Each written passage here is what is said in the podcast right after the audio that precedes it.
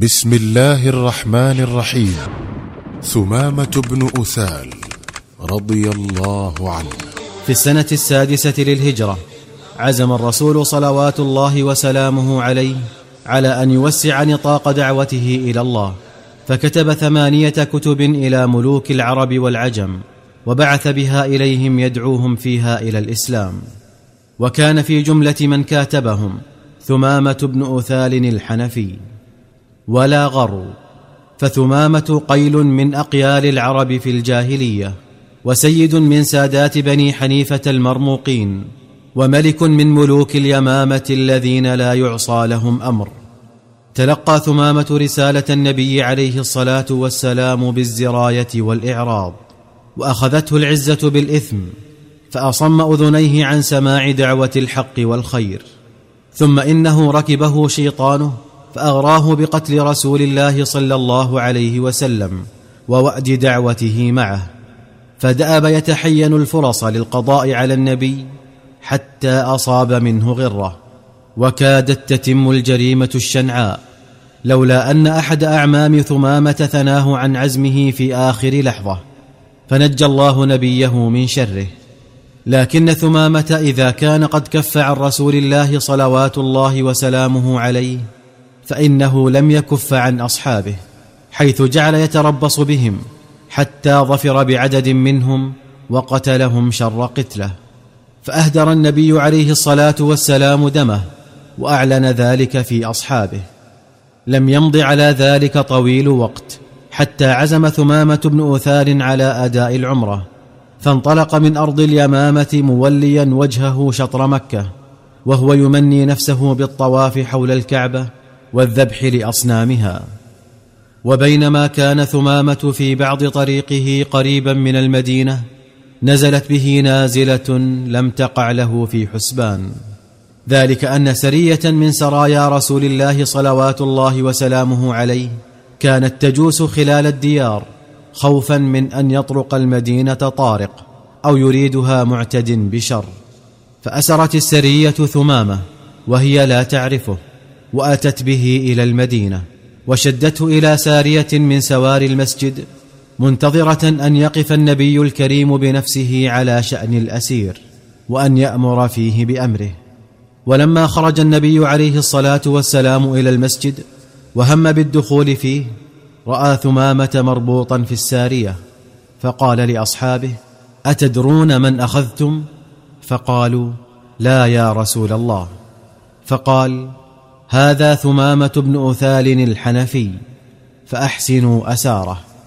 ثم رجع عليه الصلاة والسلام إلى أهله وقال اجمعوا ما كان عندكم من طعام وابعثوا به إلى ثمامة بن اثال ثم أمر بناقته أن تحلب له في الغدو والرواح وأن يقدم إليه لبنها.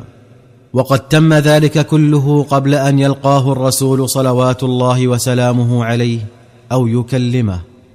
ثم إن النبي صلى الله عليه وسلم أقبل على ثمامة يريد أن يستدرجه إلى الإسلام وقال ما عندك يا ثمامة؟ فقال عندي يا محمد خير فإن تقتل تقتل ذا دم وإن تنعم تنعم على شاكر وإن كنت تريد المال فسل تعط منه ما شئت. فتركه رسول الله صلوات الله وسلامه عليه يومين على حاله. يؤتى له بالطعام والشراب ويحمل إليه لبن الناقة. ثم جاءه فقال ما عندك يا ثمامة؟ قال ليس عندي إلا ما قلت لك من قبل فإن تنعم تنعم على شاكر وإن تقتل تقتل ذا دم وإن كنت تريد المال فسل تعط منه ما شئت. فتركه رسول الله صلى الله عليه وسلم حتى إذا كان اليوم التالي جاءه فقال ما عندك يا ثمامة؟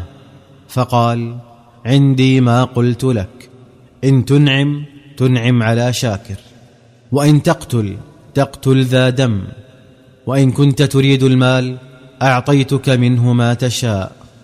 فالتفت رسول الله صلى الله عليه وسلم إلى أصحابه وقال أطلقوا ثمامة. ففكوا وثاقه وأطلقوه. غادر ثمامة مسجد رسول الله صلى الله عليه وسلم ومضى حتى إذا بلغ نخلا في حواشي المدينة قريبا من البقيع فيه ماء. أناخ راحلته عنده وتطهر من مائه فأحسن طهوره. ثم عاد أدراجه إلى المسجد.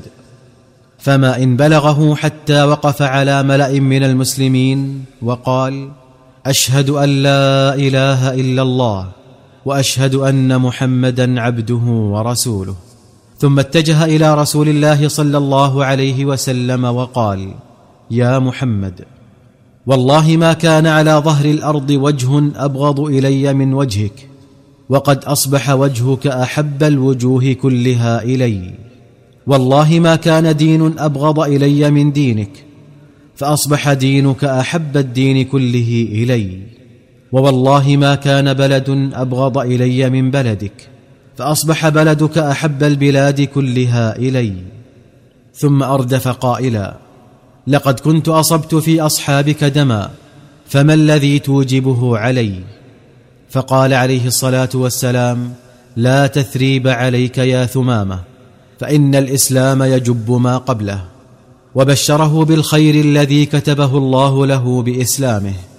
فانبسطت أسارير ثمامة وقال والله لأصيبن من المشركين أضعاف ما أصبت من أصحابك ولأضعن نفسي وسيفي ومن معي في نصرتك ونصرة دينك.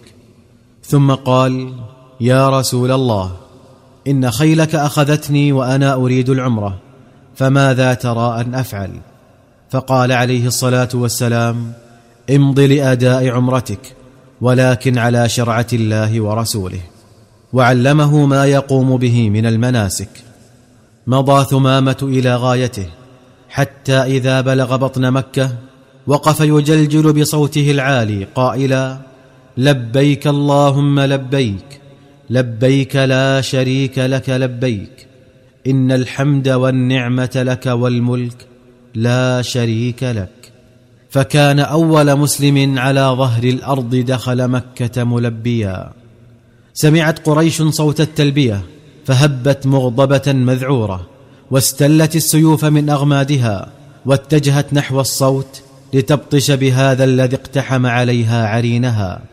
ولما أقبل القوم على ثمامة رفع صوته بالتلبية وهو ينظر إليهم بكبرياء فهم فتى من فتيان قريش أن يرديه بسهم فأخذوا على يديه وقالوا ويحك أتعلم من هذا؟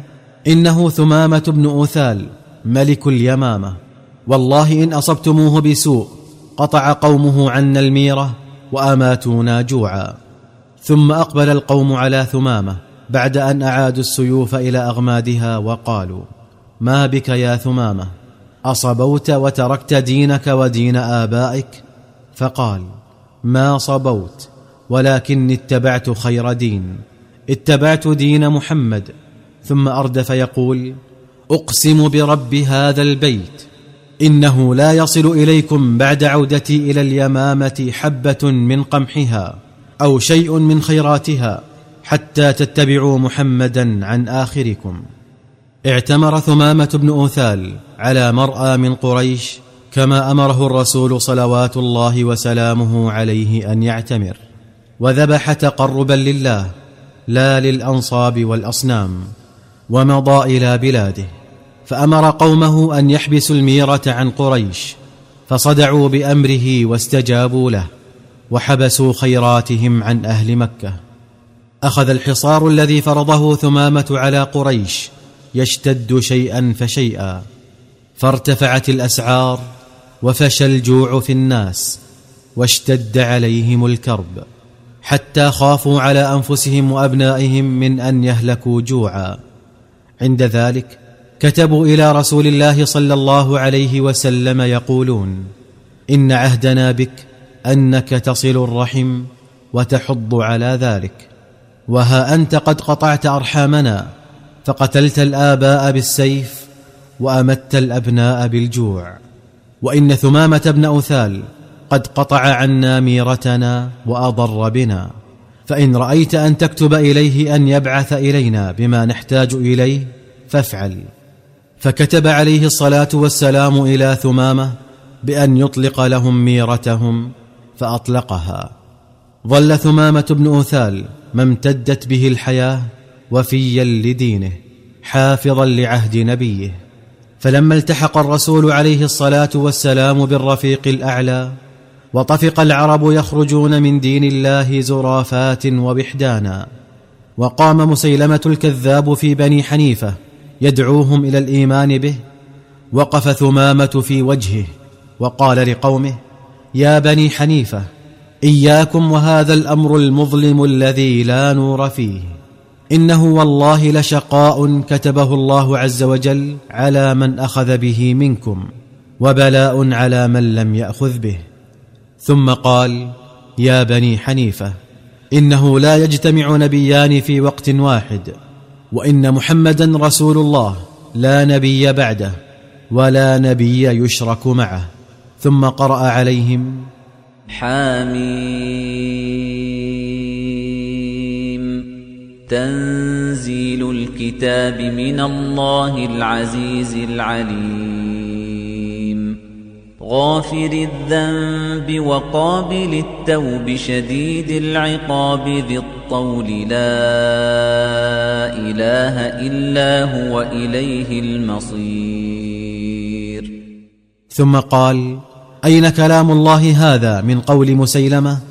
يا ضفدع نقي ما تنقين لا الشراب تمنعين ولا الماء تكدرين.